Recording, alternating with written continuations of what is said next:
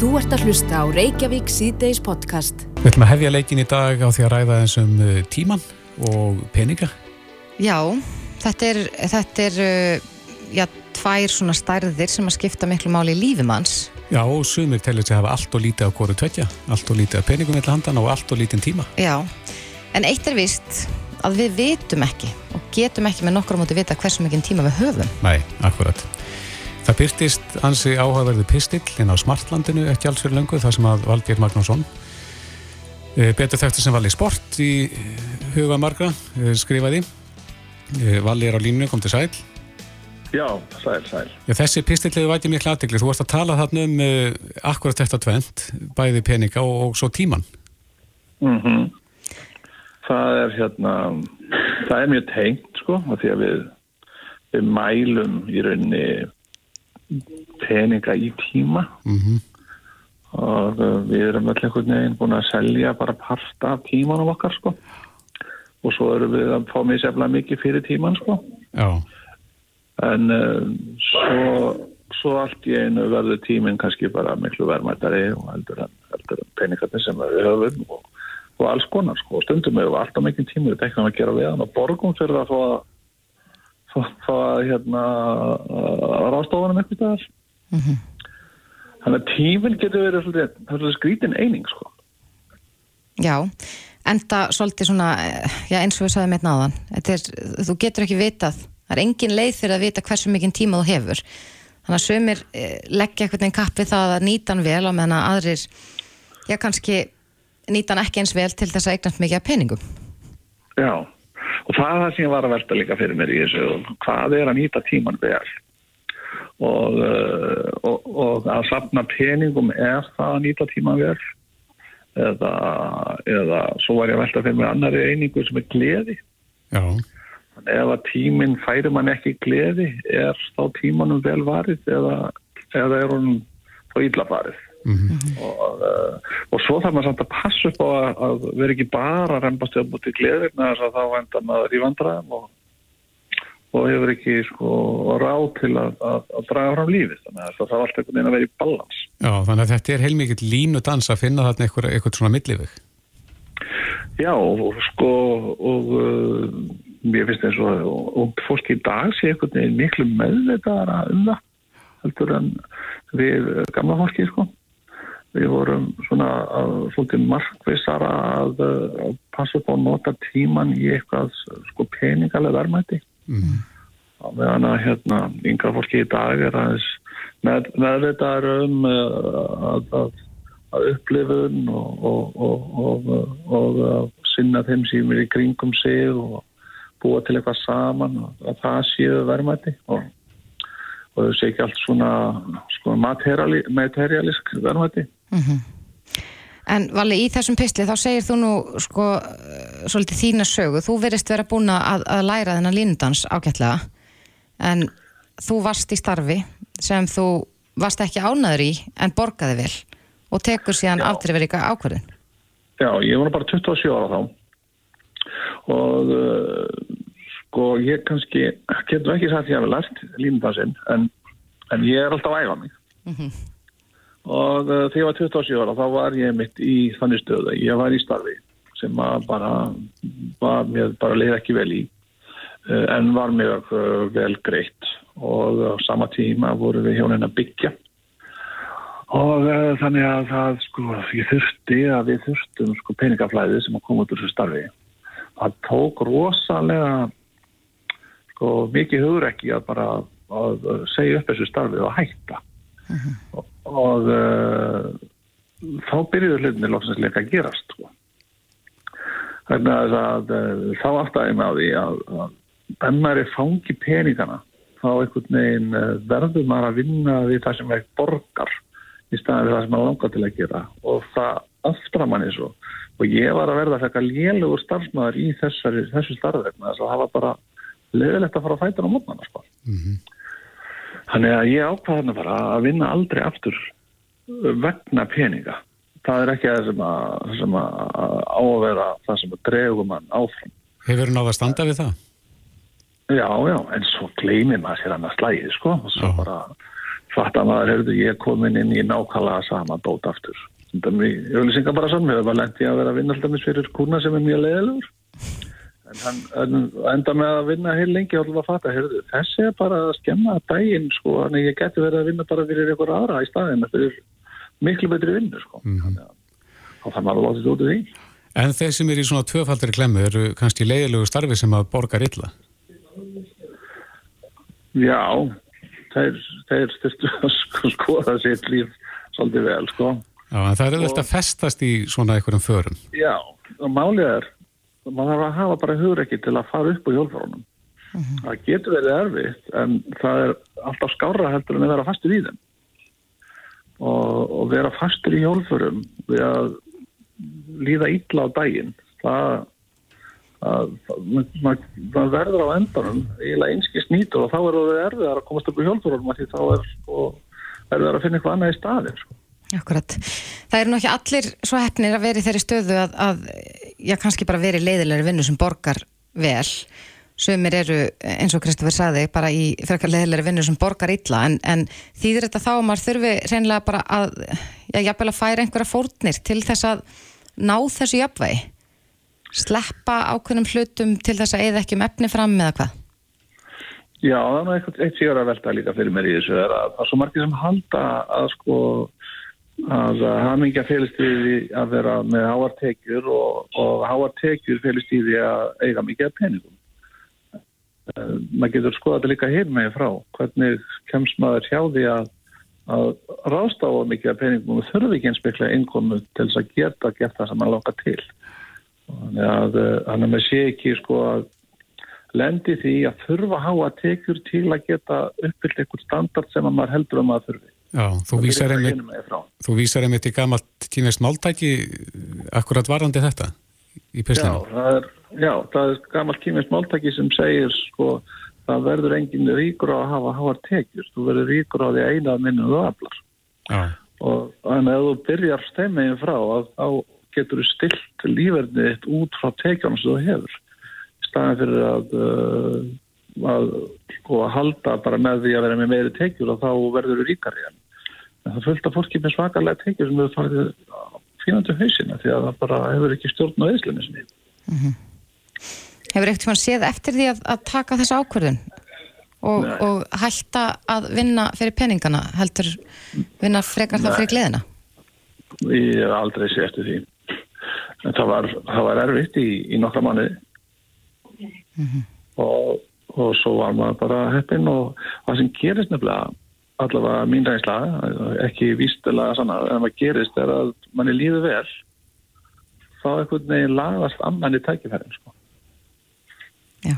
En ef maður eh, líður illa þá lagastu bara síður á manni og maður er ekki eins móttakilegu fyrir þeim og, og neginn fólk uh, hugsa síður til manns í, í alls konar verkefni Já, heldur að séu margir í þeim spóru sem að þú varst í þarna 27 Það er sér Já sem mjög margir, mjög margir sem er einhvern veginn bara að, sko, þrælar aðstöðuna sem er í Ef þú ættir að gefa þessu fólki heilræði núna, hvert væri það? Bara að það gleðin að stjórna. Já, og hafa hugrekkið til þess að stíga þetta skref? Já. Já, þetta er eh, nokkuð heimsbyggilegt en vissulega áhugavert vegna þess að eh, við vitum það alltaf, við viljum reyna að nýta þann tíma sem við höfum eins vel og við getum og vera, ég minna auðvitað skiptir að mála að vera gladur þann tíma sem maður hennilega bara er á lífi. Já, og, og sko, ekki bara tíma sem er á lífi, þetta er bara hvernig einast að dag, það er bara æmyndir hverjum degi að maður er glad, sko. Já, Valgir Magnússon, kærar þakkir fyrir þetta og bara takk fyrir þessi heilræði. Takk sem reyðis. Þú ert að hlusta á Reykjavík C-Days podcast. Jæja, Reykjavík C-Days heldur áfram. Við tala okkar við Bubba Mortens í gær, vakti gríðarlega aðtikli. Já, og þessi pistitt sem hann skrifa á Facebook um helgina hefur verið, já, honum hefur verið deilt við það mm -hmm. og uh, já, viðbröðin við honum verið margvísleg og út um allt. Nú síðast var Vilum Þór Þórsson helbriðsráð þeirra að uh, tjásu um þessi mál í viðtali við mbl.is þar sem hann segir að við þurfum sem samfélag að skera upp herur gegn þessari þróun. Já, þessi þróun er uh, allt og mörg andlátt fólks sem að hefur tekið í nóg stóra skamta veitilíðu. Já, um, í dag bestist líka viðtal við yfirleikna á Vogi og hún segir tíu skjólstæðinga þeirra undir færtu hafa látist það sem afir árs og uh, ekki fyrsta sinn sem talað er um ópjóða faraldur hér á landi. En við erum komin með tvær góðar konurhinga til okkar, Solveig Gísladóttur, verkefnastýru frú Ragnæðar og Hafrunu Elisu Sigurdóttur, teimisstýru í skadamingun hjá Rauðakrossunum. Komið sælar. Takk fyrir. Takk, sæl. Eh, Solveig, kannski byrjum á þér. Þið hjá frú Ragnæði eruð, eh, já, má segja svona á vettvangi að aðstofa mm -hmm. þannan hóp. Já. Eru þið vörfið, sko, já, má segja aukna nótkunn eða eru við sennilega að sjá fleiri döðsföll? Sko það sem við þjónustum hóp sem að er hérna að glíma við heimilsleysi, langflest er glíma við heimilsleysi og hérna er að nota výmöfni í æð og þessi umræða sem er í gangi núna er, okkar tilfinninga er að hún er svolítið út fyrir okkar notendahóp hún á kannski meira við um uh, svona ungmenni sem eru að pröfa á djamminu eru, um, já, okkar notendur eru kannski meira í hérna svona öryggisinni neyslu hafa verið að hérna, nota í einhver tíma uh, þekkja um, hérna, meira hvaðan efnin eru að koma, þekkja sitt þól uh, og hérna þannig að við erum ekki að sjá einhverja skindila aukningu endilega hjá okkar notendum Nei. en út fyrir okkar notendur eru við að heyra af hérna, uh, aukningu á hérna, um, livjatengtum andlátum En Hafrún, þið, þú ert teimistýra í skadamingun og skadamingun er nú eitthvað, eitthvað svona orð sem við kannski bara þekktum hérna ekkert fyrir örfáum árum síðan en hefur verið mjög ábyrgandi umræðinni. Uh, við rættum nú um daginn við ungan mann sem að var að fara stað með fyrirtæki, það sem heitir varlega.is, þannig að notendur viðmöfna geti prófað efnin sín til þess að, að tryggja að, að þarna sé ekki önnur efni eða að þú sérst að fá það sem þú uh, keiftir svo mm -hmm. berast réttir af því að, að, að það sé auknum mæli verið að, að sko blanda saman stór hættulegum efnum eins og til dæmis fentanil mm -hmm. sem að getur verið hættulegt í mjög uh, litlum skömmtum Já.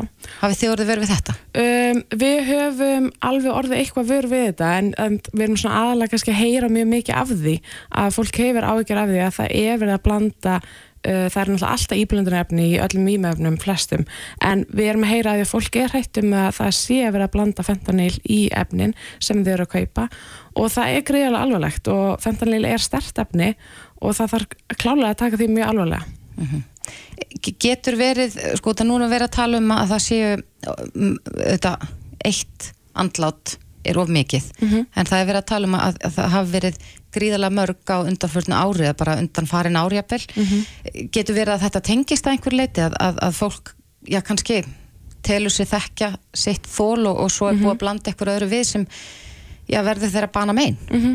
uh, Það getur klálega tengst því, já, alveg klálega og við erum alltaf á hverju ári að sjá herri tölur af lifitegndum andlátum og, og ég held að, að það sé klálega eitthvað sem við þurfum auðvita að endurskoða og hugsa hvernig við erum að hugsa um hvernig við erum að koma fram við fólk sem nota výmefni um, hvernig við erum að bræðast við og núna er klálega tækifæri til þess að bræðast hart við þessu vegna þess að þetta er greiðalega alvarlegt og fólk er að deyja um, og, og við þurfum að bræðast við því Hvernig er hægt að bregðast því? Með því að eins og við talarum um eins og varlega punktinni sem voru komið með þessi hérna, výmefna uh, próf þau eru mjög stórt skref í skafmjökun hérna í Íslandi og við þurfum klálega að, hérna, að uh, fræða fólk um výmöfni. Við þurfum að horfast auðvitað það að það er fólk sem nota výmöfni bæðin á Íslandi og annars þar í heiminum og við þurfum að sætta okkur svolítið við það við þurfum bara að horfast í augvið að það sé í gangi uh, og það gerum við líka með því að, að hérna, fræða fólk við þurfum að fræða fólk um výmefni við þurfum að geta að tala um þetta og við þurfum líka að um, til dæmis uh, auka aðgengi að nálóks og nefuða sem er um, mjög auðvildin nótkunn og getur berga mannslífum. Fyrir þá sem þekkja hann ekki, hvað, er, hvað gerir þessi nefúði? Uh, Nálagsun nefúði er sagt, uh, mjög auðvildin nótkunn og kemur í veg fyrir að getur komið í veg fyrir að fólk ofskamtar af livjum, ópjöðlivjum og þegar ég segi ópjöðliv þá er ég aðalega að tala um um, eins og til dæmis oxykondin, kontalgin og svo þetta fentanil sem er verið að tala um að sé verið að sitja í önnur efni. Mm -hmm. um, það er sem sagt nota, sem, þetta er sem sagt nefóði sem er spreyjað upp í nef á einstaklingi sem hefur tekið ofstóran skamt af þessum livjum þegar fólk tekur á stóra skamt af þessum livjum þá getur, er, er sagt öndunabæling sem kemur fram og, og hérna, og jafnvel öndunarstopp og um, naloxon getur komið í vegferð það að stoppa þau ynginni. Mm -hmm. Er þá notandir sjálfur að nota spreyið eða, eh, eða er það einhver, einhver samferðamæður sem að hjálpar? Um, vanalega er það einmitt einhver samferðamæður, einhver vinnur, ástvinnur sem að getur greipið hann inn í Já. og þess vegna er svo gríðarlega mikilvægt að naloxon sé með gott aðgengi, að þessi gott aðgengi að naloxoni mm -hmm. og að sem flest sé með naloxon og þess vegna höfum við hjá frú Ragnar eða hjá Rauðarkossunum að tala fyrir því og erum núna að dreifa um, mjög mikið af þessum nefaða.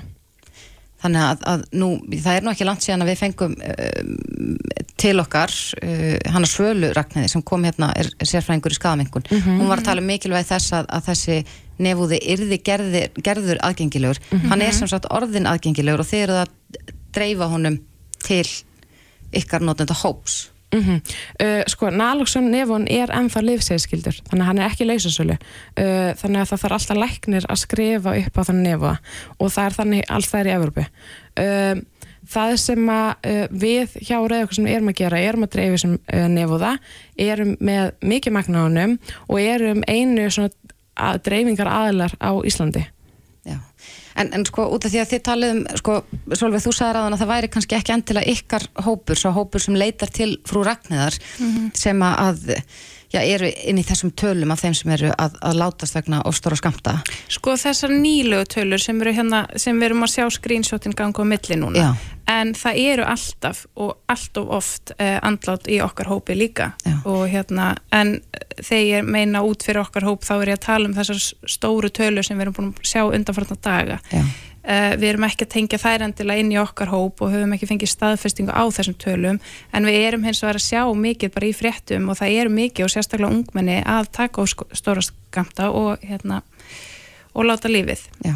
En hvað, sko, þið, þið þekkið þennan heimeflus betri en, en flestir. Mm -hmm. Hvað ætli valdi því? Er, er þetta eitthvað svona tískubilkja af ungmennum sem er að prófa sig áfram í notkun eh, vimöfna eða hefur þetta kannski bara alltaf verið svona? Sko ég held að hérna, þessi neistlu minnstur hjá ungmennum hefur alveg breyst í gegnum áriðin um, og það er bara, þú veist, krakkar er að taka meira af um eitt pillum og efnum í staðin fyrir að vera bara uh, að drekka áfengi mm -hmm. um, og ég veit ekki nákvæmlega hvað er það sem að veldur sko, en þetta er alveg þróun sem við höfum fylst með og, og við sjáum að hérna það fer, það fer alltaf vaksandi að hérna, krakka sér að taka inn alls konar efni og pröfa og, og svo er líka bara svo mikið af efnum í gangi sem maður er ekki alveg vita hvað er í. Og hérna við erum að sjá þú veist eins og spæst líka og það er alls konar svona ný efni. Og hérna og líka bensólefin þau eru líka hérna fólk er að taka Sanax og svona. Og það er alveg aukning í þessu. Mm -hmm. Já, við veitum það að ástand er ekki gott. Er eitthvað sem að Já, stjórnvöld geta gert. Viljum Þór segir að við sem samfélag þurfum að skera upp herur gegn þessari þróun.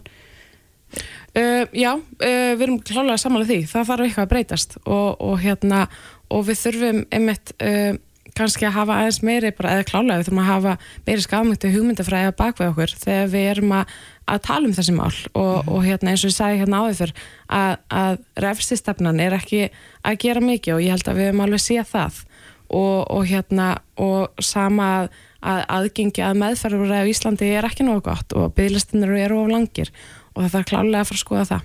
Ég held að þurfi bara svolítið að líta svolítið heildrænt á þetta. Við vinnum með skadamingun og viljum koma með skadaminga til yngripp inn til þess að hérna fyrirbyggja skada sem hlý, hlýst af neyslu við möfna en svo þarf líka bara að skoða alls konar aðrar hliðar og það eru meðferðar úrræðin um, hvort sem það er hérna, viðhalsmeðferðir eða hérna, bara komast veist, um, já það þarf bara skoða þetta rosa heildrænt og ja. það þarf að skoða forvarnirna líka og, hérna, og taka auðvitað þetta frá mörgum sjónarhóttnum sko. Já Já, við skulum vona að, að við sem samfélag förum að huga betur að þessu málflokk til þess að fleiri láta ekki lífið en Solveig Gísladóttir, verkefnastýra frú Ragnheðar og Hafrún Elisa Sigurdóttir teimistýra í skadamingun hjá Rauðakrossunum Kæra þakki fyrir komuna Takk fyrir. Takk fyrir okkur. Takk.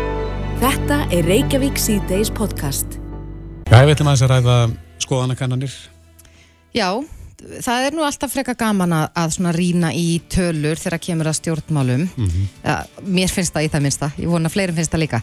En það eru núna já, nú svolítið langt í næstu kostningar er kjörtímbil ekki næstu því hálnað Jú, um það bíl. Já, það var síðast kosið til Alþingis í september 2021 og nú var maskina fyrir örfám dögum síðan að, að byrta neðstur úr nýri skoðanakönnun en þar kemur fram að samanlagt fylgi ríkistjórnarflokkana hefur ekki mælst minna og nemur nú 37%. Þetta þýðir að stjórnar andstöðu flokkarnir eru með 63% fylgi samkvæmt þessu og þar er já, samfylkingin að bæta alveg langmest við sig og, og fylgi flokksins mælist nú 25,7%.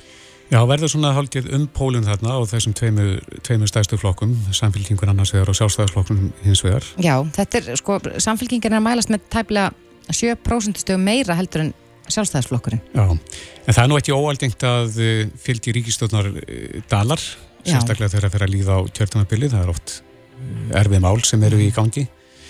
En það er spurning, hvað með ég lesa út úr þessum tölum, svona hvar steitir á fyrir þessa flokka? Já, á línunni hjá okkur er Baldur Þórhalsson, professor í stjórnmálfræði við Háskóli Íslands. Kom til sæl, Baldur.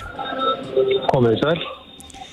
Eh, Er hægt að lesa eitthvað í þessar tölur, Baldur, eða, eða eigum við bara að býða og sjá, já, þar til að nær dregur uh, kostningum á ný? Nei, ég held að sé að lesa heilmikið í þessi tölur. Sko, þetta náttúrulega tengist, ég tengist e, sko nýjum fórustumanni samfengingarar, nýjum, nýjum formanni. Eftir að Kristrún Frostadóttir tók við, tó- tók fylgið að rýsa og ég held að ég tengist bæði nýjum, uh, nýri manneski brúni sem og bara henni, það, þeir þá stefnu sem hún er að bóða. En hún er að runa að bóða það að flokkurinn líti aftur á svona kjarnamálum sínum að leggja áherslu á að þetta sé náttúrulega jafnaðamannaflokkur og vinni engum að því að bæta sko efnahag venjulegs fólks í landinu og að styrkja velferðarkerfið. Og mér finnst sko Kristrún er að leggja svo megin áherslu á hver stefnur flokksins eru frekar endilega gaggrína ríkistjórnina hvað er þetta samfélkingin ætlar að gera ef hún kemst í vald eftir næstu kostningar. Já, heldur það að spili mikið inn í, sko núna er, er samfélkingin að bæta svo mikið vissi samkvæmt þessum könnunum, heldur það að spili mikið inn í að, að nú erum við auðvitað að, já, efnags ástandið er erfitt, við erum með e, sögulega háa stýrivexti sem að, að hækka bara við hverja eina, einustu vaksta ákverðun og, og svona venjulegt fólk í landinu er að hafa áhyggjur af sínum efnahag. Já, ég vissum að það er rétt hjá þar. Það tengist inn í þetta líka sem bara sem þau nefndu áðan ákveð óþól gagvært ríkistjórn sem komin að svona miðju kjörtíðanbili. Ríkistjórn er líka búin, hún er búin að setja, í, í ja, 5-6 ár. Þannig það er óþól gagvært henni og erfitt efnags ástand, uh, já, erfiðara heldur hefur verið, verið und, undanfærið. En ég veit að aðtiklisverðsrauninni hvað samfélkingin hefur styrt stöðu sína verulega, hún hefur bætt sko við 16% við sig frá síðustu kostningum og það er líka sko aðtiklisverði tengst við það sko þó nokkur áherslu breytingar sem Kristrún er að e, leggja fram. Til dæmis hún ítir Evrópamálunum til hliðar, hún ítir stjórnarskrárinnin til hliðar og hún rauninni nýja nálgun á þessum sviðum að stjórnarskrábreytingar eigi bara að gera í smáskröfum, ekki að geta allar fílan í einu bita. Hún vil rauninni líka, finnst mér, er að tala fyrir því að byrja Evrópaumræðinu upp á nýtt og skoða á nýjan hátt, kosti og galla aðeldar umsóknar. Þó að hún ítrekki það að samfélkingin og hún sé fylgjandi aðelda Evrópasambandinu þá þurfa að nákast þetta á nýjum fórsendum.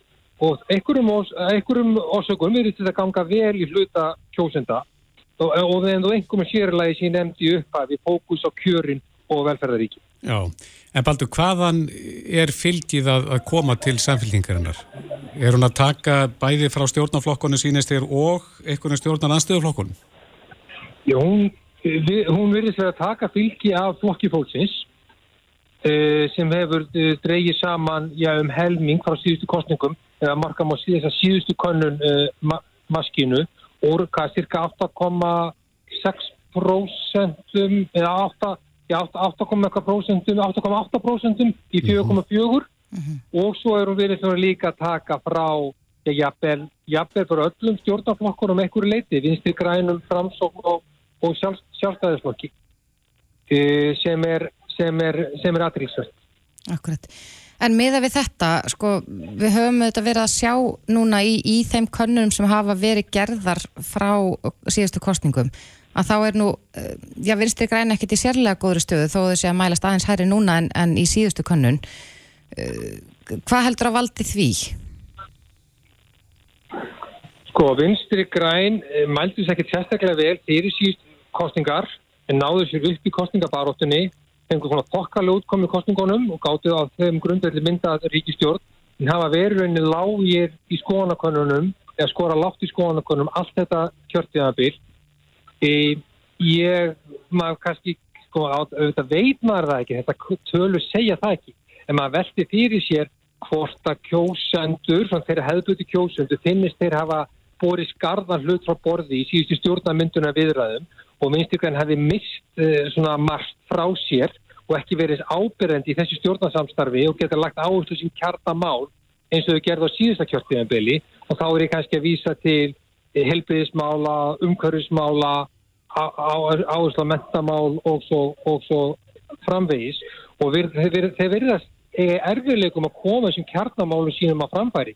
Það er ekki mikla breytingar eða í staði sjárútismálum eða lambunamálum eða þeim málaflokkum sem heyra undir ráþæra eh, ríkistjórnar, ríkistjórnar þeirra, þeirra en svo, svo er hins vegar varandi framsóknarflokkin og sjálfstæðarflokkin þá er smá saman að fjara undan þessum flokkum. Hvað heldur að valdi því, Baldur?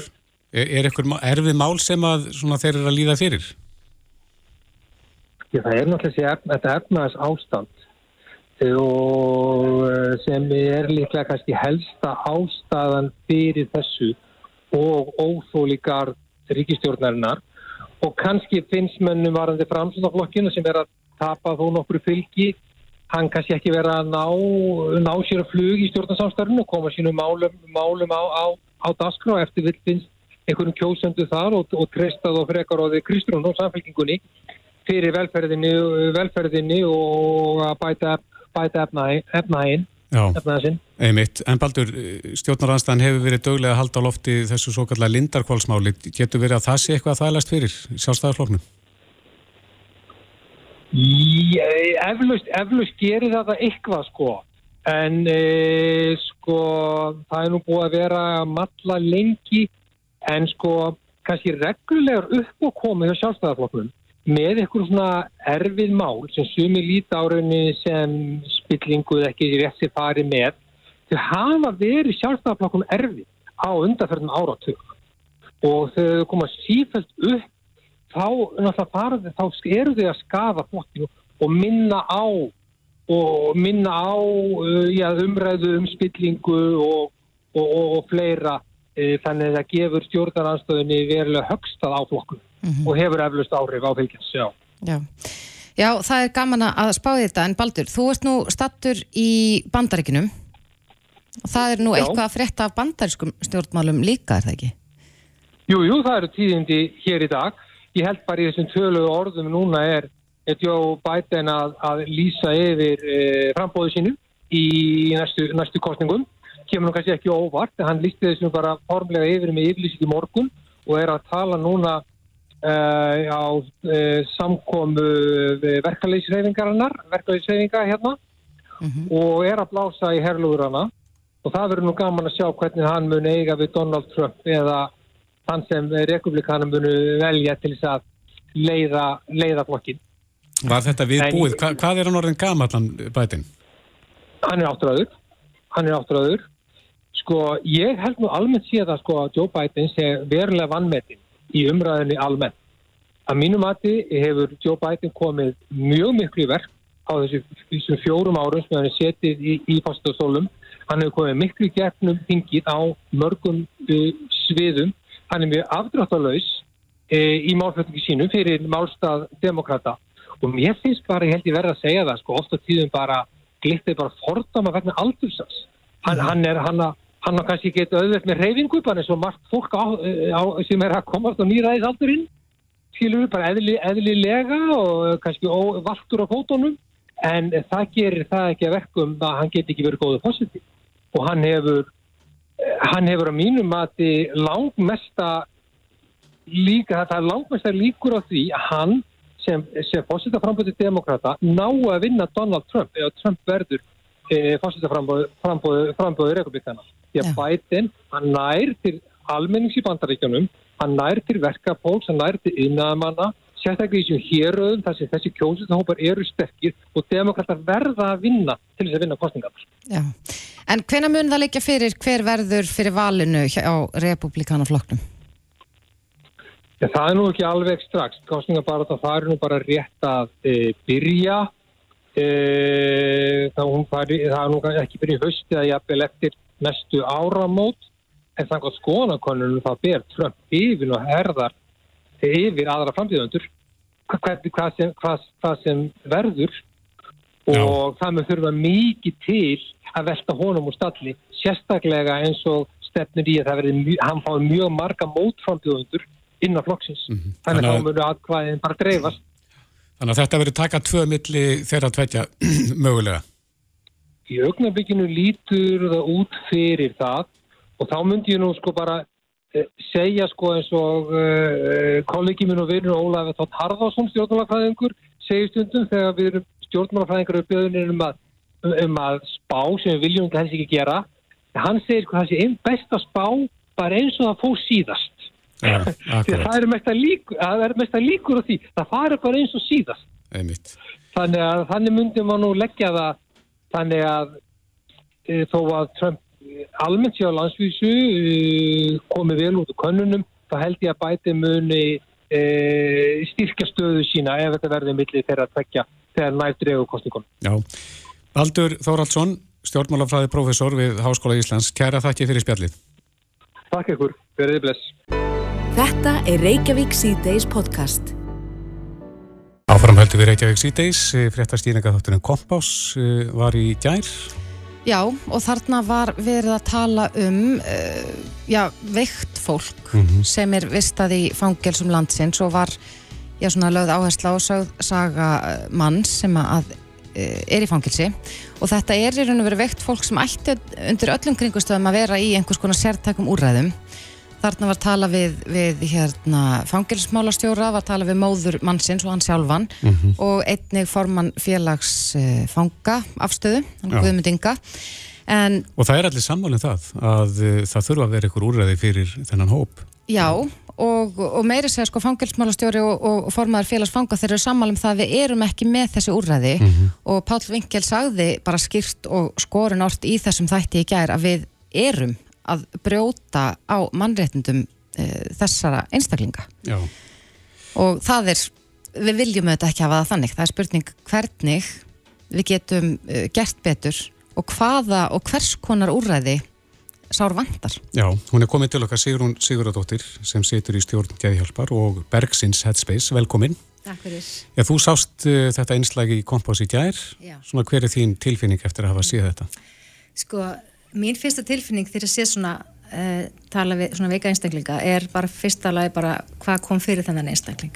Af hverju er hann komin fangað og ég, og við einhvern veginn gleymum svolítið þessum forvörnum að einstaklingu sem er með ungur komið með nokkra greiningar og mikla áfallasögu mjög mikla áfallasæði lífið samanns að skuli ekki hafa verið gripið inn í fyrr og reynda og eins og nefndi þannig með að hann er 18 ára að þá hættir allir stöðningur að hann er 18 ára. En kannski í raun og veru er hann ekki alveg 18 ára í, í sér. En það sem kannski vaki líka fyrir mér er þjónustan sem við veitum þessum einstaklingum uh, þetta eru fólk þeir sem eru í fangilsum eru mjög oft einstaklinga með mjög mikla áfallasögu. Áfall í æsku, erfið upplifin í æsku og hvernig erum við að mæta þessum einstaklingum? Mm -hmm. við, áföllin lagast ekki við það að loka þau inn í klefa eða, eða, eða, svona, eða í einangrun og, og, og loka það af. Þannig að það vantar þessa áfalla með þjónustu. Og til þess að vera með, þeir eru með svona veikan einstakling sem það er náttúrulega bara sér úrræði og það, það er náttúrulega bara eins og að segja stjórnvöld þurfa náttúrulega bara að setja peningin að málaflokk. Þetta er náttúrulega málaflokkur sem er þetta er ekki mikil þrýstingu frá þessum hópu þetta er svona jaðarsettur hópur, þetta er svona fólk á jaðarinn sem er ekki með sterka rödd. Og þess vegna kannski gerist það ekki mikið e, í þeirra málum. En það þarf náttúrulega bara, bara til þess að passa upp á mannréttindi einstaklingana að við mætum þeim að virðingu þó svo margir eiga erfitt með það, þetta eru fólk sem kannski hefur brotið alvarlega af sér og erfitt fyrir marga að núti að horfa á það þegar hjálpa þessu fólki.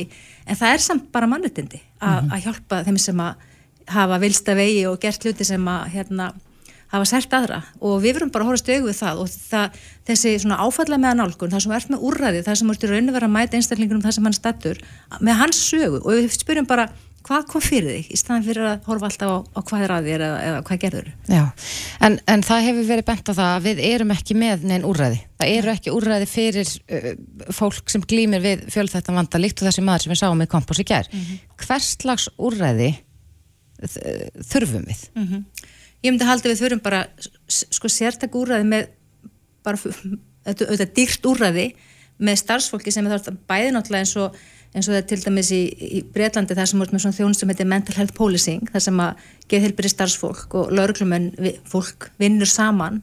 Og ég myndi halda að það væri leiðin þess að með Eh, starfsfólk sem er sér mentað í áfalla meðferð til þess að vinna með áfalla eins og þessar einstaklinga því þeir eru þannig inni út af því að það gerist eitthvað. Mm -hmm. vinna með áfalla eh, reynslu þessar einstaklinga. En einni þarf náttúrulega að vera öllu gæstla því að þetta er kannski fólk sem að, hérna, hefur ekki alveg stjórn á sjálfur sér, ykkur hluta vegna og, og hérna, lemur mann og annan og allt það. En það þarf kannski svona myndi ég halda bara löggæslu og, og geðhilbyrðiskerfið að vinna saman í svona, hérna, því að við getum ekki allast til þess að fangaverðir séu allir með hilbriðismentun eða geta allir, all, allir unni með áfallega svo einstaklingsins, við getum heldur ekki allast til þess að hilbriðstafsfólk sé það öflugt að geta að svona, hvað segir maður barst á móti eða komið í veg fyrir að fólk brjóta sér, mm. ég mhm. menna þú, þú, þú, fólk er með, með ofbeldishegðun og á, á hérna, áhættu hegðun, það er einhver ástæði fyrir því, það er einhver vanlegan sem að þetta, eru, þetta er einhverja byrtingamind áfalla á vanlíðan, þessi, þessi ábeldisbrot, þar sem mm. þú, þessi einstaklingurinn brítur af sér og, og brítur af sér og, og, og ræðist á aðra af því að þeim líður illa. Einmitt. Þeir gerir ekki svona sem líður vel. Þannig að hvað er þessi sársöki? Við mögum með sársökan. Já, það vantar úræði þar sem fyrir þá sem að brjóta af sér og eru geðsúkir. Er, er eitthvað til sem heitir réttar geðdelt? Eða, það er til, já. Það er til réttar geðdelt. Og nær það ekki, er ekki að vista svona einstaklinga á, á slíkri deild? Ég hef nú haldið það sko en því miður þá bara, þú veist, er ég ekki alveg Mér skildist það á, á þættinum ég gera þetta er spurningum sko sakhæfi og ekki sakhæfi, hann er mm -hmm. metin sakhæfur þannig að, mhm. að, en maður veltiði fyrir sér sko, mm -hmm. hvað, hvað er hægt að gera Já. en þú nefndir það að eins og gestur í, í Breitlandi, þetta er eh, kostnaðsamt. Já, þetta er kostnaðsamt en, en hins vegar hefur, er ekki hægt að, að bara nánast uh, reikna út Jú. bara samfélagslegan kostnað af því að þegar að við setjum mann eins og hann í þessar aðstæður Já og lokum hann inni ja. án, án viðeigandi aðstofar og mm. það var nú sagt í þættinum í gæra í, í mörgum tilveikum já, fara þessi einstaklinga bara hættulegur út í samfélagið já, aftur. já. hver kostnaðurinn er af því. og eins og með þennan einstakling, það kom fram að veist, hann passaði ekki inn í kassan í skólakerfinu en hann var samt, hann, hann, hann var listræð hann, hann smíðaði hann, hann hérna, var listræð, hann gæti gert ímislegt en af því hann passaði ekki inn í kassan okkar að þá var hann út undan og, og náði ekki að byggja á sínum styrklingu sem hann hafði. Og mist líka sko í, í sambandið að, að hérna þetta er hans út Allt í leg. Þú talar um það að það hefði verið að grípa fyrir inn í. Já, grípa fyrir inn í. Þennan einstakling. Já, með þennan einstakling sko. Og þú sér bara strax eins og með þennan einstaklinga ef hann fær aðstóð í, í, í skólakerfunu strax. Mm -hmm. með, þú sér þessi vandamálir að koma, koma fram og við sjáum alveg að, og þetta er ennþá að gerast í dag, við erum með þess að krakka ennþá í, í, í, í hérna í dag og með því að greipinni og aðstóðs einstaklinga strax og fyrirbyggja það að þau fara út í ábrót og neyslu, stórluti þeirra sem er er að taka lífsitt og hérna overdosa eru einstaklingar með áfölli æsku eða erfa upplifinni æsku. Hefur það ekkert breyst? Hefur ekkert breyst á, á þessum tíma? Það hefur breyst á þessum tíma vissulega, meiri þekking komin inn og meiri mentun fagfólks og það meiri fólk er betur upplýst en við verðum að gera betur og við tala, jú, vorum að tala um kostnaðin þegar ég dætt mhm. út. Alltaf. Hérna, eh, saman, þetta er sparnar til lengri tíma af því að þú veist þeir eru út að hvað heldur þetta kosti kerfi að vera með þessi fangilsi og vera, þú setur einhvern veginn inn og hann kemur út aftur, hann brýtur aftur að sér og, og þetta er bara ringur, af því að þú nær ekki að rjúfa hann að vítarring, með því að setja peningi að, að því eins og mér saði með fyrsta skipti sem hann fór inn, mm -hmm. þá leiði hann vel. Hann, hann, hann fekk aðstóð hann í fyrstu, fyrstu fangilsis hérna, þegar hann fór að það, það, það var ekki svo slæmt. Allan eins og þau sögðu sko. Mm -hmm. þannig ég held að um, með því að veit, setja peningi í þetta þá þetta en vandamálið er, sko það sem er vandamálið hér, að við erum alltaf með stjórnvöld sem að sitja í fjögur ár. Og, og þú, það gengur alltaf það að vera kosin aftur. Mm -hmm. og þú þarfst að sanna eitthvað á fjórum árum til þess að fá atkvæða næst. Og, og þú getur kannski ekki sanna þá á fjórum árum að þú þarf að spara, spara svona, þannig að þú þarf bara að horfa til lengri tíma og kannski sem pólitíkus, ekki horfa bara þessu fjögur horfðu fram í tíman, legðu peningi í, í þennan málaflokk sambandi við fíknefnaneyslu, ópjóðafaraldurinn fangilsvist, afbrott og fleira og áfallasögu, setja peningi þetta núna og það mun, það mun þú mun sjá sparnað eftir nokkur ár, kannski getur fjögur ár þegar kjörtöfumbilur reykur, en eftir til lengri tíma litið þá myndi að spa, vera sparnaður. Já, en ef við myndum bara hérna fara að útdeila verkefnum akkurat núna, bara við setjum hér og við segjum heilbreyðsra á þeirra þarf að gera þetta og svo Já. þarf dómsmálur á þeirra að gera eitthvað annað Já. vegna þess að, að miða við þennan þátt í gær og, og mm. við höfum nú rætta hérna áður að, að já, þá er, hver ber ábyrðina? Dómsmálur á þeirra ber ábyrð á fangilsmálunum en, en, en heilbreyðsra á þeirra á geðheilbreyðsmálunum. Það er vandamáli. Máli er að ráðnindi þurfa bara að vinna saman. Við þurfum bara þverfaglega vinnu í þessu málflokki vegna þess að við erum með, þetta er heilbyrðisvandamál vegna þess að það er heilbyrðisvandi, við erum með þetta er dómsmál eða fangilsismál, það er dómsmálandi, það, svo erum við með félags, þetta er félagslegt vandamál, það eru við náttúrulega með annar á þeirra og svo er þetta náttúrulega batna og, og me, menta, það eru náttúrulega börnin. Og það þarf bara einhvern veginn, það þurfa allir að vinna saman að sama markmiði, við getum ekki alltaf verið með þessi síló og þessi hólf og það var það sem að ásmundur einar einmitt nefnda á rástefnun núna á föstæðin hjá Berginu að það sem er hindrun hjá okkur, við erum alltaf með þessi síl og við erum alltaf með þessi hól, það er allir að vinna í sínum hodnum og þessi bara bara þess og þess og þessu og það bara einhvern veginn vinnur ekki saman. Við getum ekki bara, getum bara, getum ekki bara unni saman í þessum máluflokki og, og hérna, tala saman svona þert á ráðuneyti, þannig að sé ekki endilega hérna, að þurfum alltaf að setja einhvern veginn í einhver boks hver á hvað. Þannig að fyrsta verkefni núna ætti að vera fyrir þessa einstaklinga að tala saman. Þver, þverfagleg ráðuneytisvinna sem vinnur að þessu, það er fyrsta skrefið. Mm -hmm. og setja peninga í þetta. Vona að verði ekki starfshópur eða hvað? Enga starfshópur, enga nefn við skulum bara gera þetta, við getum ekki beðið. Það eru ómörg líf sem er í húfi, við getum ekki beðið lengur. Já, en uh, ég, þetta nú tengist uh, ráðstefnu sem að þið eru að fara að mhm. halda, geðhjálp bara á, uh, hún hefst eftir tvo daga þegar ekki? Já, 50 dag og första og þar talið þið um þörf fyrir samfélagsbreytingar. Þetta Já. talar beint inn í það. Talar beint inn í þetta. Og ba alveg bara algjörlega. Og það er þó svona þessi mikilvægi fyrir það að hérna horfa á, á samfélagsbreytingarna sem eru í kerfi, getum ekki alltaf verið að horfa á, á lakninsvæðilega mótilið af því að við veitum bara að þú veist að það og bara við erum að tala um þetta hennan ópjóða faraldur sem er núna af, alveg svagleg núna í, í landinu að við erum alveg að sjá það að lif er ekki alltaf besta lausnin. Þau get ekki læknað allt, þannig við þurfum að horfa á þetta hérna utanfrá og taka fleiri inni eins og bara félagslega, félagslega hliðina. Og, og það sem er mikið talað um er svona þessi jafningja uh, jafningja hérna, samstarf þar sem að þeir sem að eru með reynslu til dæmis af eh, geðurbilskernu að þeir komi meira inn í þessa vinnu að búa til hérna úrræði og talandum eh, byggingunni að landsbytala og, og geðeldar að, að við viljum fá notendur notendur komi meira inn til þess að miðla, því að við sérfræðingarnir við vitum ekki allt sko og þetta er mhm. svona nothing about us with out us og við hérna, við þurfum að fá rödd notenda til þess að vita læra af þeim líka hvað. Hvað er hægt að gera betur? Já og þessi forgansröðun einhvern veginn, við held að við verum með svona vittlis að forgansröðun stundum. Við þurfum að forgansraða í unga fólki okkar og þessi, þessi mál. Og það er svo áhugavert að þið verum með svo mikinn fókus á lofslagsbreytingar og hlínunjarðar og það er rosa miklu peningar settir í, í hlínunjarðar og þetta þessi artig málefni. Og eitt góð punkti sem ég heyrði, ég var sem þess á Arctic Circle, hefur farið nokkur sem þangað sem er svolítið talað um þessi mál.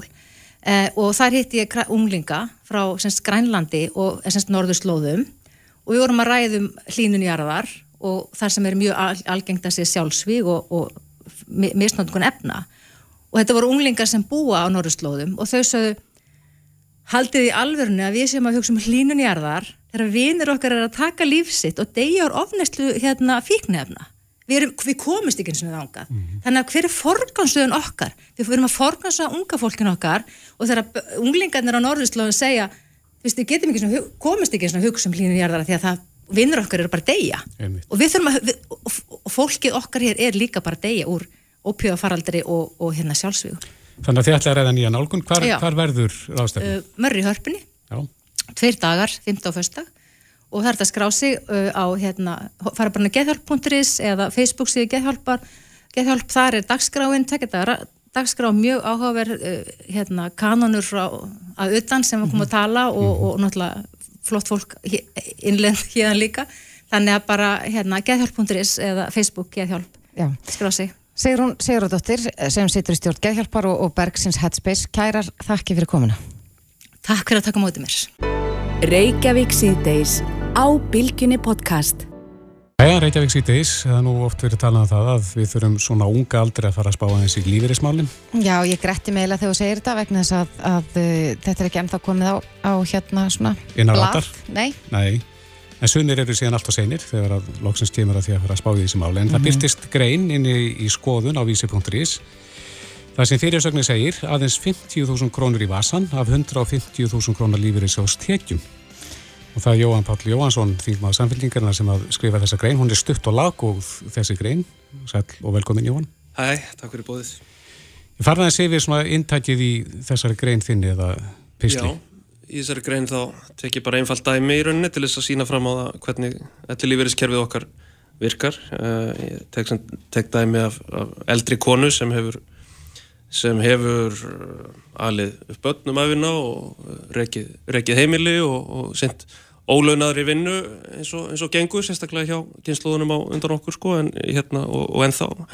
Uh, en gef mér á hún hafi enga síður náða að sapna 150.000 króna uh, lífeyrisréttindum mm -hmm. sagt, hérna, uh, og þegar hún fer á eftirlaun þá, þá er þetta 150.000 króna uh, lífeyristekjur, lífeyrissjóðstekjur í hverju mánuði sem, sem ætti að býðinar með við, við áunin réttindi mm -hmm.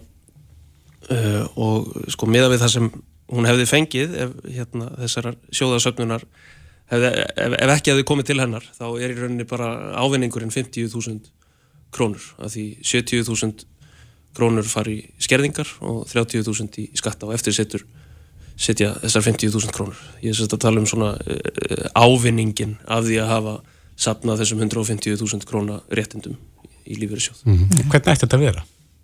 Já, sko, ástæðan fyrir, fyrir því að þetta er svona er auðvitað að já, það eru þessar óbóðslega skorpu tekjutengdu skerðingar uh, og eins og kerfið okkar er núna þá er þannig að, að hérna, allar tekjur, allar lífeyrisjóðstekjur umfram 25.000 krónur á mánuði koma til, til skerðingar á greiðslum almannatrygginga. Uh, þetta frítekjumark, það hefur staðið í stað alveg frá árinu 2009. Uh, það væri 40.000 krónur eða svo í dag eða hefði fyllt verðlægi. Það væri eitthvað nær 70.000 krónum eða hefði fyllt uh, launavísitölu. Um, og mér finnst algjörlega einbóðið að, að það er ég að hækka þetta frítekjumark vegna þess að ég held að, að svona opbáslega skarpar tekjuskerðingar uh, grafi undan bara sko, sátt og samstöðu um almannatryggingakerfið okkar sem við viljum að byggja á sjóðasöfnun og, og hérna, skildu sparnaði og, og samtryggingu uh, en það sem gerist sko, við þetta er að bara eins og, og, líf, landsamtök lífeyri sjóða hafa orðað að, að fólk í rauninni er hægt að, eða hefur sko mist tilfinningu, tilfinninguna fyrir því að, að hérna þessi hérna, skildusbarnaður sé, sé lögvarinn eign. Þetta er, er orðið svo fjarlægt þegar þetta, er, þegar þetta kemur eh, svakalega til skerðingar á greiðslum almanatrík. Mm -hmm. Er, er staðan þannig að þessi hérna kona sem þú tekur sem dæmi, mm -hmm. hún fær 50.000 krónur, er það er ætlast þess að hún lifi á því? Nei, ég syns að að bera saman í rauninni uh, annars vegar mannesku sem fær ós, óskertan lífeyri. Uh, mannesku sem, ekki, ekki, sem er ekki með neinar lífeyrissjóðstekjur mm -hmm. Uh, ég er að bera saman þá stöðu við stöðu mannesku sem hefur þó sapnað uh, 150.000 krónar réttindum í lífeyrissjóð og ég er að skoða í rauninni ávinningin af því að hafa sapnað 150.000 krónar lífeyrissjóðstekjum með það ef, ef engin sjóðsöfnun Nú var mjög frægsetning Ingo Sæland hér í, í uh, síðustu kostningabaraktu skatta og skerðingalust ætti þetta að vera skatta og skerðingalust? Sko það, það myndi kosta svona 100 miljardar held ég. Já. Þannig að það þurfti þá að fylgja í sér já, mjög mikla skattahækkanir eða, eða mjög e, blóðugan niðurskurð einhver staðar annar staðar sko. Þannig að nei, ég er ekki, ég, ég vil ekki að, að hérna, þetta sé allt saman bara skatta og skerðingalust en hérna, öllum á nú ofgera sko. Og það er nú bara þannig með þetta almannatryggingakerfi okkar og bæði landsamtök lífeyrisjóða hafa tekið það saman og Stefán Ólásson, félagsfræðiprofessor að við búum við einhverja sko skörpustu tekju skerðingar á byggðu bóli. Það, er ekkert landana í kringum okkur með sambarilegt kerfi. Uh, Danir kannski eru með uh, lífeyrissjóðakerfi og, og hérna, elli lífeyriskerfi sem er hvað líkast okkur sko og þar er frítekjumark uh, vegna lífeyristekna svona eitthvað í kringum 130.000 krónur sko ef, ef við miðum við hérna, ok okkar gældmiðl í Íslands krónu hérna uh, og það er sko, ef við byrjum saman bara uh, eh, almannatryggingakerfi heimsins þá er ekkert, ekkert land nema hugsanlega Ástralja sem er með skarpari tekju tengdar skerðingar heldur en Ísland mm -hmm. En nú fara þessast lífeyrisáskreislur óskattaðar inn í kerfið Já. Myndi það breyti ykkur ef að skatturinn eru tekjun af uh, áður en þetta fer inn í kerfið? Um, já, ég held að það verður nú það verður nú Já, það myndi auðvitað, auðvitað, auðvitað breyta, breyta mjög miklu en ég veit ekki, veit ekki hvort það veri, var neitt æskilæra endilega.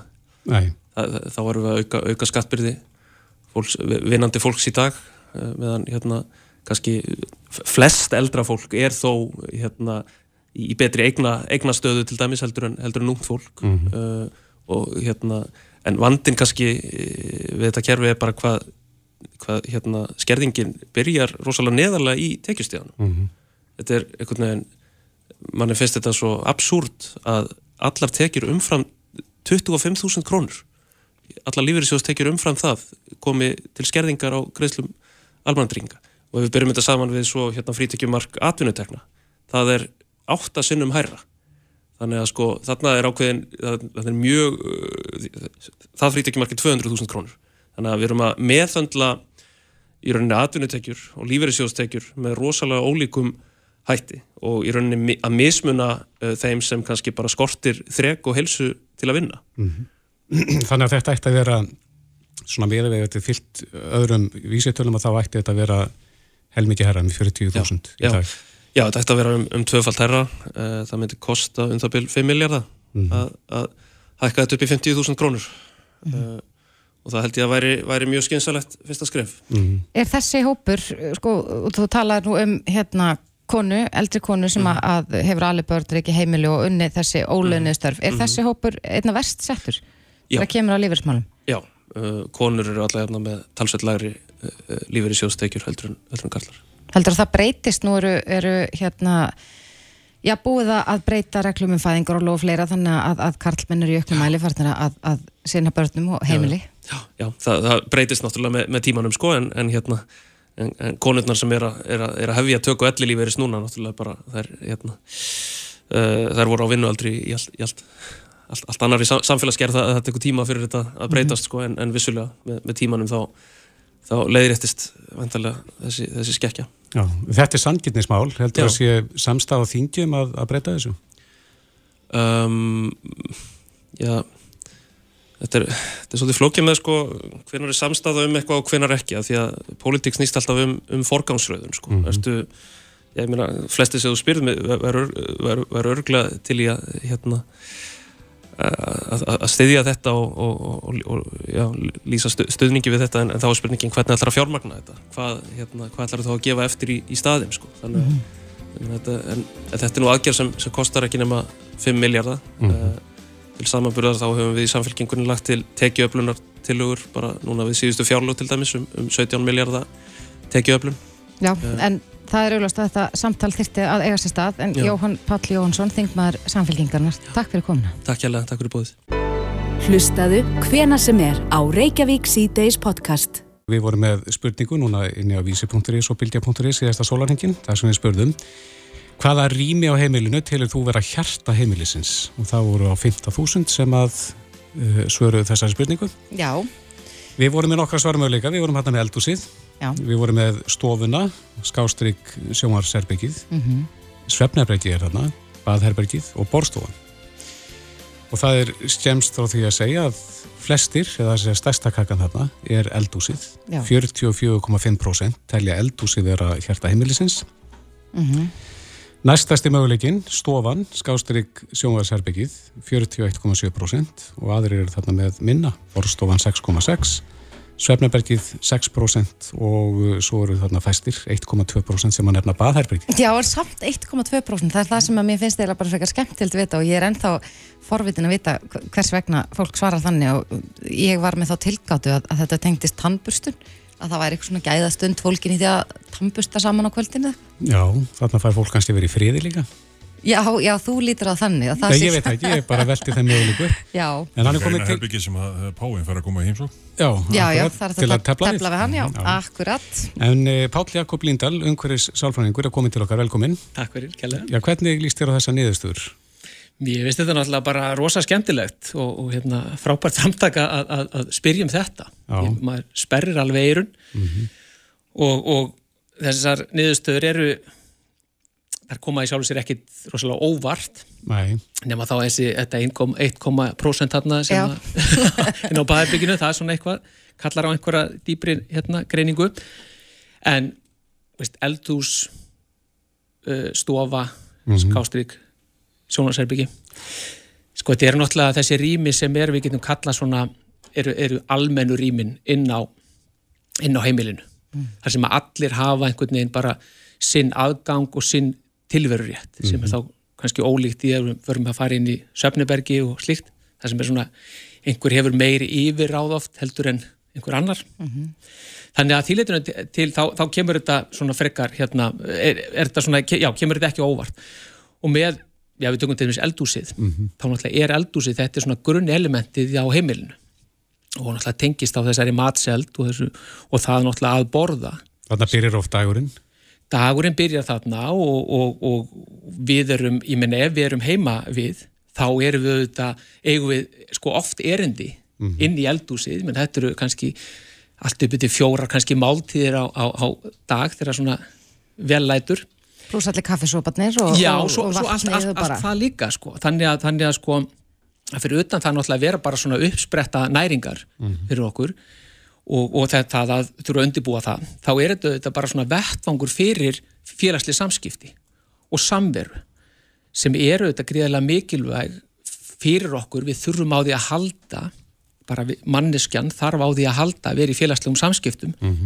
Og svo megum við heldur ekki glema því að á undaförnum árum eða áratugum þá hefur áhugi á mat og matseld hann hefur aukist vísna mikið þannig að við höfum svolítið farið úr því að vera að húsfreyjan konan á heimilinu var að elda onni í fjölskylduna meira oft kannski bara af skildurekni heldur en af einhverjum einskjærum áhuga Já. En núna er þetta orðið bara að, að, að fólki finnst þetta skemmtilegt, gaman að pæla í þessu, gaman að búa til góða mat Og og, gaman að, kannski. Já, og hjálpa stað og þetta er orðið svona, já, þe- þetta er bara orðin einhver svona vettvangur einmitt fyrir áhugamál, fyrir félagsli samskipti og samveru og svo náttúrulega bara það að, að þjóna þessari grundallar þörf okkar sem er það að borða. Já, ég sagði þetta náðan þegar við fórum yfir í, fyrir þettinum að, að þetta kom mér og svo mikið óvart með eldúsið en, svo þegar þú orðar þetta svona þá áttu ég með því ég bý ein með tvei með börnum þannig að ég er alltaf húsfreyjan þannig að þess vegna fannst mér það bara frekar skrítið að það var í hjarta í eldúsinu ég vil bara fá friði því að elda. En svo hins vegar í borstofunni er, er hugulegt að setja allir saman og svo auðvitað eru kósi kvöld í sófanum að horfa sjónvarpið og allt þetta. Já, og þa það er svo það er svo áhugavert alltaf þegar maður heyri, fær svona gögn í handurnar eða þannig, svona upplýsingar um hérna, einhverja niðurstöðu varðandi umhverfið. Þá, þá verður maður svona býtu, hvað er þetta misjant milli kynja, er þetta misjant milli hvernig heimilið er samsett einmitt eins og þú lýsir, ein með töpöld versus fjölskylda, hjón eða par með, með þrjúbötn eða eitthvað slíkt, veist, aldur og allt mögulegt, það er, það er svo- það er svo spennandi að, að að fara veist, onni þessar breytur líka. En, en maður getur að hugsa einmitt eins og þú segir, þú er ekki áhuga eldús er ekki vettungu fyrir þig af því það er kannski ekki þessi félagslegi. Veist, þetta er ekki þessi félagslegi staður eða sagt Er það, eitthvað, er, er það lýsandi fyrir það að vera hjarta maður bara, þetta er þetta skemmtilegt orðalag, þetta er svona rosa mikið tilfinning hjá manni að finnast að vera hjarta heimilisins. Heldur að, að þess, þessi félagskapur Já, það, sko, það er veist, það er þessi frasi sko, sem að kemur úr háamálum maður er mann skaman hann á svo óbóstlega vel við hann og kannski óvirðulegt að tala um frasa í reyndar úr háamálum en veist, þessi, þessi setning, þessi lína uh, maður er mann skaman þetta, þetta skiptir okkur svo miklu máli það skiptir okkur svo miklu máli að vera í félagslegum tengslum við aðra tilheyra, geta skist á skoðunum og svo framvegs og svo framvegs og þess vegna er, veist, svo kemur stofan og sjónarsherbyggi, þá er það svolítið sama elementi, sko. Veist, þetta er svona samvera einhverju leiti, sérstaklega ef það er sjónvarp. Um, en svo er það líka bara svona að, að inn í stofunni, ef við förum alveg kannski á hinn pólinn, þá er það líka svona að hún, hún kannski býður upp á möguleika til að vera kannski bara einn með sjálfum sér svolítið, veist, að lesa bók uh, bara slappa af og slíkt. Og það skiptir okkur ekki síður miklu máli að geta gert það. Nei. En það kemur þér greinlegt í óvart að þarna séum 86% sem að nefna þessi tvö rými á heimilinu. Nei, ekki út frá því hvernig spurningin, spurningin er orðuð. En það sem að hérna, e, það sem ég geri, ég er nú oft með fyrirlestra um umhverju sálfræði og ég spyr gjarnan fólk hvað er uppáhaldsstaður ykkar bara í heiminum. Bara hva, hver er uppáhaldsstaðurum, bara, í, mátt bara velja runni hvað sem er. Og náttúran kemur mjög oft, eh, svona 90-95% fólks segir náttúrun eða eitthvað tengt náttúrunni.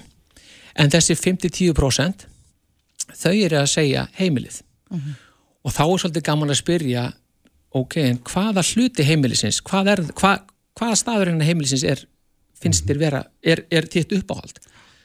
Þá kemur svefnabergið. Og þá er aftur þessi, þessi pæling, sko, býtu af hverju? Og þá er þeim með þessi friðhelgi að geta kúpla sig út, að geta leitað á einhvern friðarstað. Fólki finnst það svona ofbóslega eftirsóknarverð og það má rauninni yfirfæra líka yfir á náttúruna. Fólk er svo ofta að sækja í náttúruna til að sækja í einhvern frið.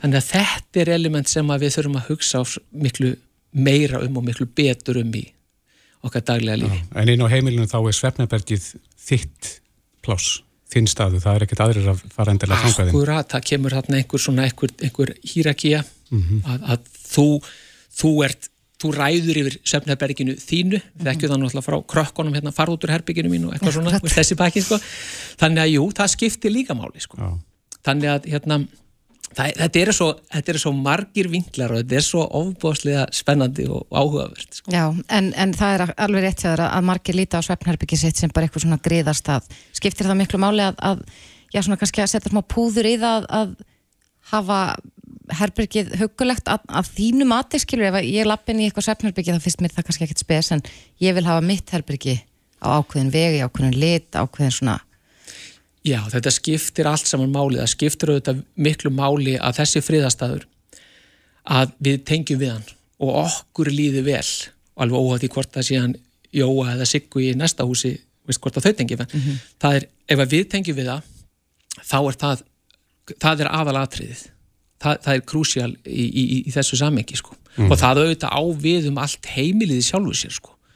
veist, að við mótum og skipulegjum okkar heimili þannig að við tengjum við það Já, þetta eru skemmtilega pælingar Eh, Páll Jakob Líndal, umhverfis sálfræðingur Takk kærlega fyrir að koma og velta vöngum yfir þessum með okkur Takk fyrir að bjóða mér Reykjavík síðdeis á Bilginni podcast. Já, já, við höldum áfram í Reykjavík síti sem ég sýnist hérna út á gluggan það er farið að e, slitta í það minnsta. Já, þetta er allavega hvítar agnir sem að koma að him, af himnum á Já, herðu, í kjölfar þess að við vorum að ræða hérna um e, heimilið áðan Mhm. og hjarta heimilisins, þá fengum við senda hérna, ég veit ekki hvað við um kallir þetta vísu. Skritlu kannski, já, vísu. Hér er rói, hér er friður, hér er gott að setjast niður til að hugsa um sína þanga, þar til eitthvað fyrir að banka. Þá er gott og þá er síður að standa upp og störta niður. Þetta Ég- er eflust, sá sem sendir þér þetta er eflust sá sem að svaraði því að, að uh, já, baðherbyggi væri hjarta heimilsins Akkurat. Það lítur að vera Herðu enn yfir í alvarlegri mál. Uh, Það hefur verið heilmikil umræða í samfélaginu núna upp á síkastið. Uh, Vopnabörður almennings og þá sérstaklega kannski ungra karla. Já, við erum auðvitað að fylgjast með fréttum af þessu sæðilega máli í Hafnafyrði og svo einhvern veginn í, í sömu andrar við líka að tala um þennan ópjóða faraldur þannig að það virðist vera já, í mörg hortna líta og augljóst af, af allir þessar umræðu að, að grípa þurfi inn í Já. á mörgum sviðum. Og vopnaburður uh, var tekinn fyrir á þingi í dag. Sigmundur Davík Gullansson, formaðið miðflokksins, uh, rætti þessi mál þar. Velkomin, Sigmundur. Takk fyrir. Já, hvað sýnist þér og hvað þarf að gera til þess að reyna að stemma stigu við vopnaburði? Þetta er þetta mjög mikið ágefni og helst í hendur við aðra augnvænlega þróun eins og óbjóða faraldrun og fíknefna faraldur sem verðist að ágerast mjög á Íslandi og svo uh, skipulaða glæpastarfsemi sem að ríkislaurglustjóri hefur ítrekað skrifa skýslu til að, vara við og byðla til stjórnvalda að, að bregðast við. En, en ef við lítum sérstaklega á þetta með ungmennin og, og mm. vopnabörð og, og aukið ofbeldi, þá fer ekkert á milli mála að það fjölgar mjög tilvikum þar sem að ásist að ofbeldi milli ungmenn og oft skipulagt ofbeldi og þetta er jafnveld tekið upp á síma Mhm. og, og dreift þannig að menn, menn státa sig af ofbeldinu og ég er ekki að vísa í, í, í, í neitt tiltekimál með að taka upp á síma það, við höfum bara séð mörg dæmi um það á, á síðustu misserum Einmitt. Að það sem, að, sem við megum ekki gleyma þegar við veltum fyrir okkur hvernig við tökumst á við þetta er að ægi og uppbeldi hvort sem það eru uppbeldi fóraldra eða uppbeldi samfélagsins skiptir máli.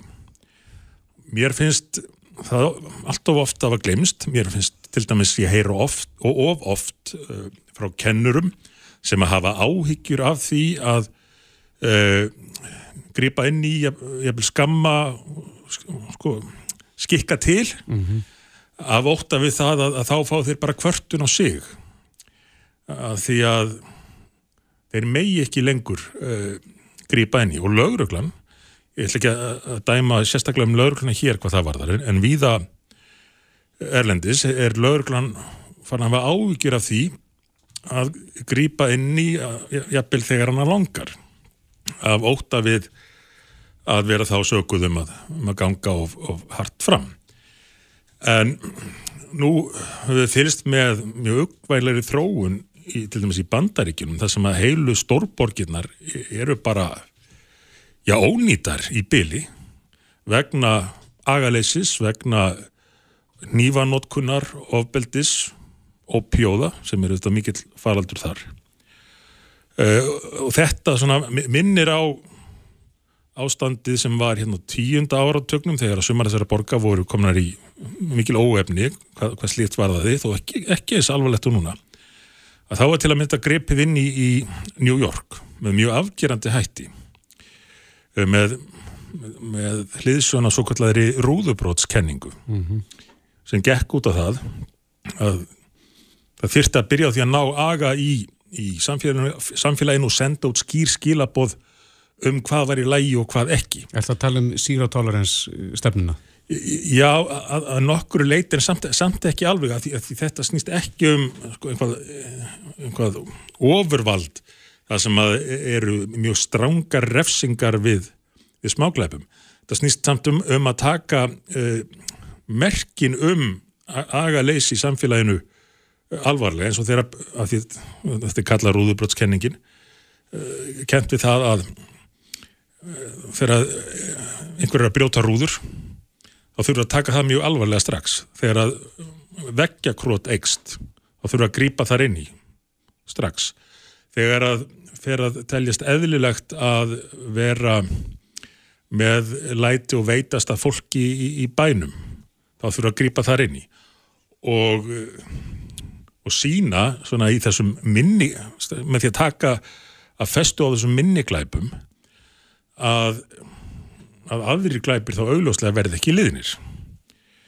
Þetta kallar reyndar líka á eins og þeir sem að lögðu þetta til í New York á sínum tíma og fylgdi því eftir bentu ítrekkað á. Þetta kallar líka auðvitað á að samfélagið starfi með. Þannig að... Þarf að breyta lögum til þess að taka upp svona stefni hér eða... Já, ég er ekkit einu svona vissum að þyrst að breyta lögunum. Það þyrsti bara að, að fylgja betur eftir þessum skilabóðum sem eru send um það hvað telst ásættanlegt í, í samfélaginu. En á meðan, ég er alveg klára, á, meðan þú, þú er ekki að grípa inn í uh, og, og, og horfa bara á, á vandana og gerast þá sjáum við hluti á borði það að þessi fer að dreifa myndböndum og státa sig af því að hafa ráðist á einhvern út á götu. Já, en þurfum við að ganga svona langt eins og þú nefnir, þú tekur New York sem dæmi, en, en við höfum hér á Íslandi já, náð miklum árangri til dæmis hvað var þar áfengisneistlu, ungmenna og reykingar og, og fleira og fleira. Það var allt önnu staða hér fyrir, fyrir 20 árum síðan og svo var bara átak þar sem allir komu saman, allt samfélagið og, og, og uh, stjórnvöld líka. Væri ekki ráðað dustar ekki að því? Jú, e- ekki spurning. Þetta þarf að haldast í hendur. Þau skilabóð sem, sem samfélagið sendir og, og, stór þáttur í því er átak til að bregðast við fíknefnum til að mynda og þú nefnir gó, góð dæmi um árangur á því sviði. Það þarf að fylgja með en, en mér finnst en, svolítið veigra sér við nú orðið að segja hlutina bara reynd út og hver eru viðbröð stjórnvalda við þessari þróun, hvort sem það er skipulaða glæpastarsemin og ábendingarna þar eða ópjóða falaldurinn eða auk- aukið ábeldi já, helstu viðbröðin sem ég hef séð er, er að ítrekka verið að leggja fram frumvörp um að löglega fíknefni það er að segja löglega glæpin E, og þetta sendur auðvitað út þau skilabóðu og allt í lega að prófa. Mm. ríki segir það. Rétt í lókin, segmyndur, er Íslands samfélag agalust? Já, Íslands samfélag er agalust og hefur kannski eiginlega, já, alltaf verið miða við sum önnur. Og það hefur sína kosti en það agaleysi má ekki leiða til al almenns ofbeldis og, og, og fíknefnavanda, skemdarverka og, og svo framvegis. Hér áður fyrr þá slóðust menn oft en það voru ákveðna grundvallar reglur kallar ríðust ekki á konur þú sparkaðir ekki liggjandi mann eða hvað þá í höfuð á honum en mér finnst mann vel að hverfa á grund, grundvallar reglunum í þessum svo mörg öðru Já. Já, við komumst ekki lengra að sinni, við þurfum að skipta yfir á fréttastofuna en uh, Bræi, Kristófer og Þórdís þakka kærlega fyrir sig í dag. Verðið sæl. Reykjavík síðdeis á Bilginni podcast.